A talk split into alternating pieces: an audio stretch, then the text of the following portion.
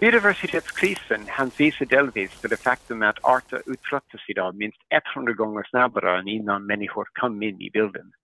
Många arter hotas av mänsklig aktivitet och det blir ännu svårare att lösa i framtiden eftersom klimatförändringarnas effekter sker i kombination med människors ökande konsumtion. Vad gäller skogen finns det alternativ som vi vet är bra för biodiversiteten. Vi vet att gammelskog gynnar biodiversiteten och vissa alternativ för produktiv skog är bättre än andra. Hej och välkommen till en liten podd om stora skogsfrågor. För att möta kommande klimatförändringar så använder vi idag en del olika skötselstrategier som till exempel blandskog och insamling av avverkningsrester. Däremot är det mindre känt vad dessa strategier egentligen innebär för biodiversitet, ekosystemtjänster och skaderisker på dagens trakthyggesbruk på främst tall och granskog.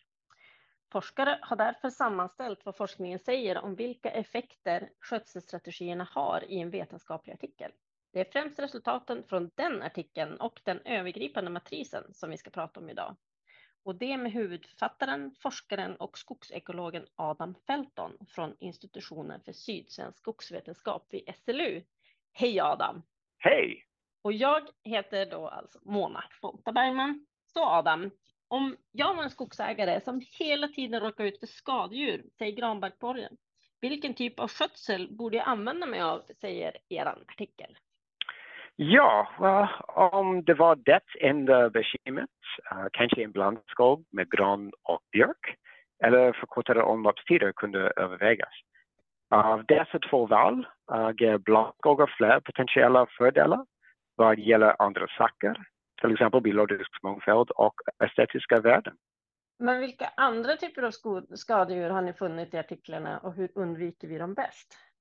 Well, i de uh, översiktsartiklar uh, som vi inkluderade i vår review uh, hittade vi information om sex arter av skad skadedjur och, och uh, patogener. Resultaten var varierande uh, beroende på strategi och art. Till exempel blandskogor med gran och björk kan minska riskerna förknippade med uh, råttrötta. Men uh, flerskiktade bestånd kan göra det svårare att kontrollera råttorötta. Och när du säger flerskiktad skog, vad menar du då? Ah, och det innefattar olika skötselstrategier, men enkelt kan man säga att det är motsatsen till likåldrig skog. Apropå likåldrig skog, hur klarar den storm? Finns det metoder som kan mildra effekten av hårda vindar? Vi fann att den övergripande risken för stormskador är lägre med blandskogar som består av mer stabila trädarter än gran och med kortare omloppstider. Men det är värt att komma ihåg att kortare omloppstider innebär många uh, nackdelar för biologisk mångfald och uh, ekosystemtjänster. Om jag nu har lagt ner en hel del jobb på min skog, bara för att finna att den är ett smörgåsbord för älgar och andra betande djur. Vad gör jag då? Ja, det är jättelätt. Jag frågar min fru Annika. Um, men uh, men fan, uh, vi fann att uh, översiktsartikel uh, i vår undersökning som menar att flerskiktade bestånd kanske, uh, och jag betonar kanske, kan innebära mindre betesskador eftersom man inte använder markberedning uh, eller plantering. Men kom ihåg att vår undersökning var enbart uh, om beståndsnivån.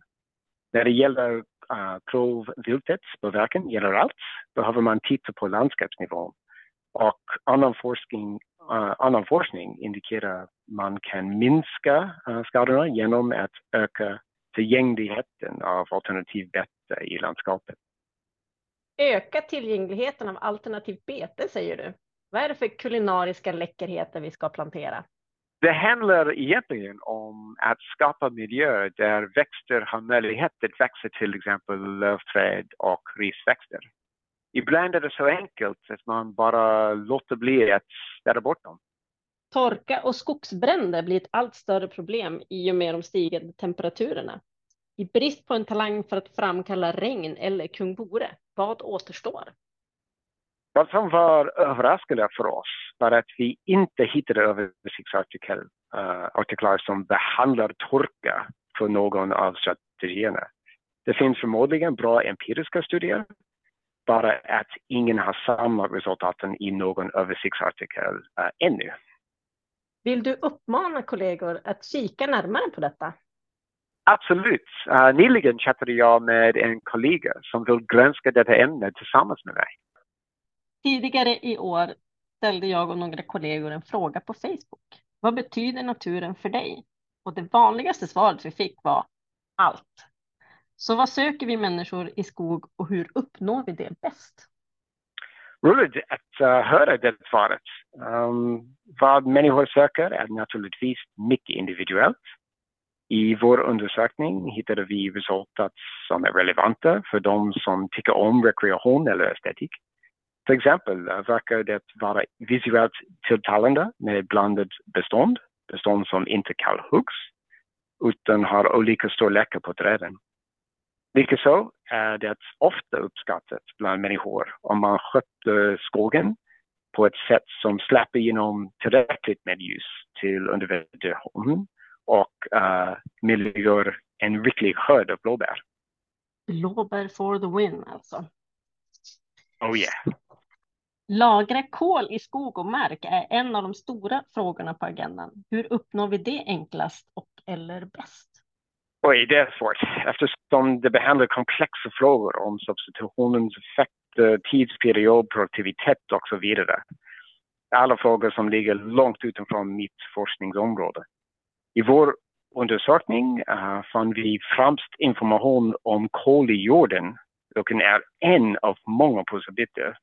Till exempel eh, bör mindre intensiva skogsbruksmetoder som flerskiktad skog eh, minska förlusten av markbundet kol jämfört med mer intensiva metoder.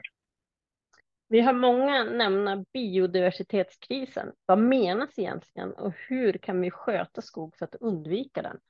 Biodiversitetskrisen hänvisar delvis till det faktum att arter utrotas idag minst 100 gånger snabbare än innan människor kom in i bilden. Många arter hotas av mänsklig aktivitet och det blir ännu svårare att lösa i framtiden eftersom klimatförändringarnas effekter sker i kombination med människors ökande konsumtion. Vad gäller skogen finns det alternativ som vi vet är bra för biodiversiteten. Vi vet att gammelskog gynnar biodiversiteten och vissa alternativ för produktiv skog är bättre än andra. Till exempel tyder vår undersökning på att man kan gynna skogens biodiversitet genom att skapa blandskogar, flerhäktad skog och förlänga omloppstider. Sådana produktionsskogar är idag underrepresenterade i det normala skogsbruk i Sverige. Hundra gånger snabbare 100 gånger. sen vi klev in. Sådär ja. Ja, Låt oss säga att jag avverkat en del i min skog eh, och det ligger en massa grenar och toppar, så kallad grot. Ska jag då låta dem ligga för biodiversiteten eller ta ut dem och låta dem brännas som energi? och som forskare kan jag inte säga vad du bör göra. Um, det beror på vilka mål du har. Om du, liksom jag, bryr dig om att bevara biologisk mångfald skulle jag lämna åtminstone groten från lövträden. Så löv till eh, kryp och klövvilt alltså. Ja, absolut. När vi ändå är inne på ämnet, hur maximerar jag min biomassaproduktion? Oj, det är svårt för mig att uh, svara. Det är komplicerat. Um, till exempel, att ta ut grott från skogen ger extra biomassa just vid det tillfället.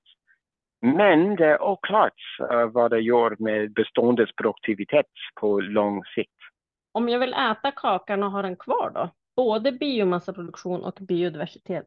Hur gör jag då? Och till exempel jämfört med rena granskogar kan blandskogar med gran och björk gynna biologisk mångfald. Vad gäller produktionen så kan sådana blandbestånd generera mer eller mindre ved än granbestånd beroende på förhållandena. Så vi har alltså alternativ för produktionsskog, åtminstone för vissa platser där man kan förbättra beståndets biologisk mångfald med liten eller ingen, ingen uh, kostnad alls för produktionen. Men på landskapsnivå blir det betydligt uh, lättare att hitta win-wins eftersom man kan arbeta på olika sätt på olika platser. Har ni sett möjligheter till fler win-wins i artikeln? Jag tycker att Blandskogsverket ger de bästa möjligheterna till win-wins på beståndsnivå och kanske fler hektar skog också. Och när det kommer till att införa alla dessa olika skötselstrategier så är det svårt att undvika konflikter mellan olika intressen. Men det ska vi prata mer om i nästa avsnitt. Så vi får tacka dig Adam för att du har förklarat det här för oss. Ja, tack själv Mona.